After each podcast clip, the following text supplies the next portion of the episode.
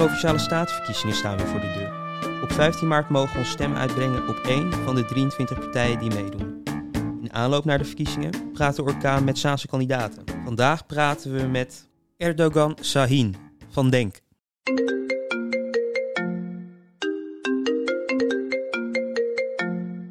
Kunt u binnen één minuut vertellen waarom je op Denk moet stemmen en in het bijzonder op u? Ja, een hele mooie vraag. Waarom Denk? Nou, ik heb die zoektocht ook gemaakt. Uh, als mens heb ik naar gekeken van hey, waar sta ik voor opgesteld?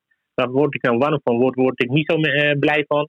Nou, ik heb gezien de laatste tijd in de politiek dat er heel veel, zeg maar, ik kan het eigenlijk ook niet van mijn hart krijgen, dat er heel veel met wij en zij wordt gepraat en uh, dat mensen gewoon uitgesloten worden. Nou, dat kan ik gewoon als mens niet hebben. Ook als je als anders wordt gezien als slecht. Dat hoort niet, dat past niet. Terwijl we eigenlijk zeg maar, samen door één deur moeten en samen iets moois moeten maken.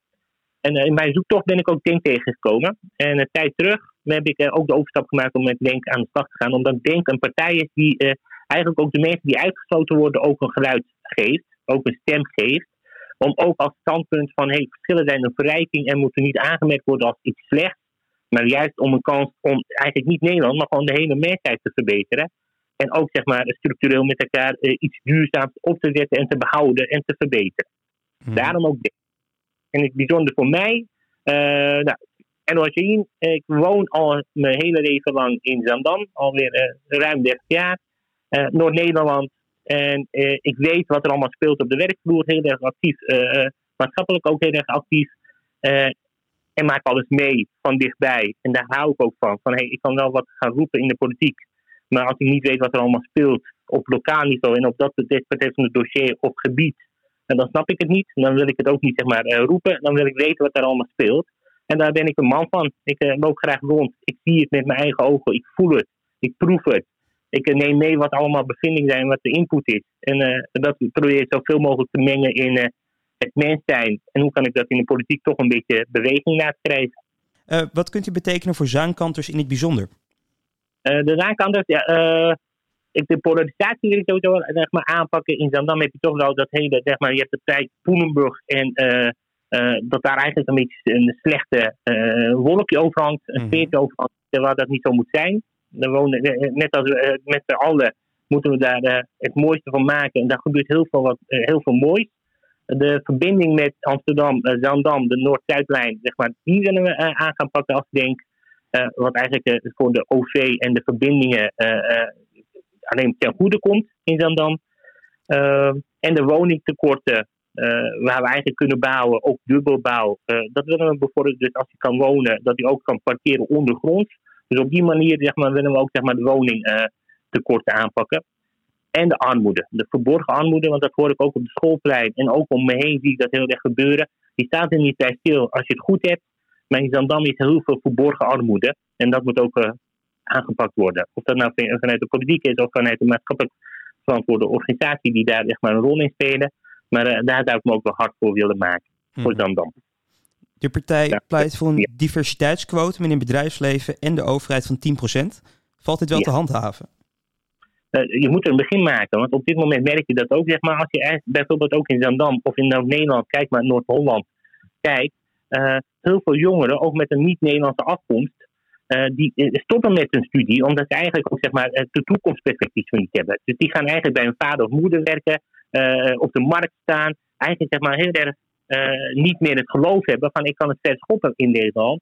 En daar ben ik een goed voorbeeld van zelf ook. Van, ik ben vanuit Turkije hierheen gekomen op mijn achtste. Ik heb 30 jaar in Zandam gewoond en ik heb nu een topfunctie bij een heel mooi groot bedrijf. En ik, heb, ik ben opgegroeid in Vijfhoek, in de Poelenburg. Dus er zijn kansen. En mijn vriendengroep die ik om me heen heeft, die hebben het ook heel ver geschopt. Dus dat is er wel. Alleen uh, dat wordt eigenlijk wel een beetje tegengewerkt door uh, de stageplekken die worden aangeboden. De uh, mogelijkheden om zeg maar door te groeien. Je wordt gezien als iets, iemand anders. Of niet van de groep. Terwijl ik denk van hey, dat moet niet zo zijn. Wij zijn Nederlanders. Wij zijn Nederlanders. Wij zijn één volk die eigenlijk het beste eruit moet halen. En ik ben daar ook een voorbeeld van. Waar ik ook zeg maar, mijn ervaring mee kan nemen. Ook zeg maar, om die bevolking ook veel meer bij elkaar te brengen. En te laten floreren.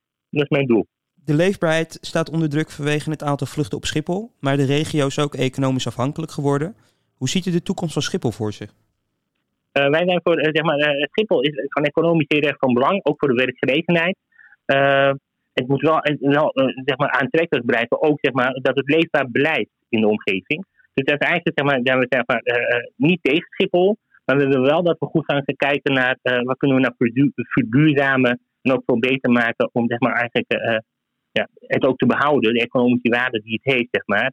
En ook te kijken van wat zijn de mogelijkheden om zeg maar, de vliegtuigen zeg maar, die steeds al toenemen, de vluchten, om dat te beperken door zeg maar, betere OV-verbindingen, goedkopere verbindingen ook. Zeg maar. Als je nu kijkt naar de treinverbinding, die zijn soms wel even duur als een vliegtuigticket. Die dan twee keer zo sneller is. Dus die afweging, daar moet naar gekeken worden. Het moet feitelijk onderzocht worden wat nou eigenlijk handig en nuttig is daarin. En daar uh, pleiten we voor. Mhm. Er is in de provincie veel te doen over de A8 en A9. Wat is de toekomst van deze verbinding? Ja, wij, wij, wij, zijn, wij zijn ervoor open zeg maar, dat die eigenlijk de verbinding komt. Want dat is al een lange discussie. Zeg maar. Alleen uh, is daar nu zeg maar, uh, juridisch weer een obstakel gekomen van waardoor het niet kan komen. Niet op de vorm zoals het nu staat. Mhm. Dus we moeten zorgen van hoe kunnen we nou wel zeg maar, de, zeg maar, de mensen die daar omheen leven, zeg maar, dat ze wel bereikbaarheid krijgen, maar niet de drukte. Want het is best wel een drukke overgang, zeg maar, koppeling die gemaakt gaat worden. Dus daar moet gewoon goed naar gekeken worden. Denk wordt vaak geassocieerd met de grote aanhang voor Turkse leden en kiezers. Maar hoe kunnen jullie aan de inwoners van Noord-Holland laten zien dat jullie een partij zijn die zich richt op alle Noord-Hollanders? Uh, uh, daar heb ik net ook een beetje geprobeerd uh, duidelijk te maken. Hm. Ik heb ook de zoektocht gehad van hey, ik ben van Turkse afkomst en ik zit bij partij Denk.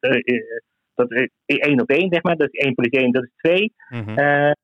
ik ben een Nederlander. Ik ben hier opgegroeid, ik ben hier gestudeerd, ik heb hier gestudeerd, ik heb hier gewerkt, ik heb mijn leven hier opgebouwd. Ik ben super dankbaar voor mijn docenten en mijn meesters die mij daar het juiste voorbeeld hebben gegeven. En mijn ouders die altijd gewerkt hebben en ook gewoon keihard gewerkt hebben. Als een machine, zeg maar. Om het maar goed te krijgen, om zeg maar niet buitengesloten te worden.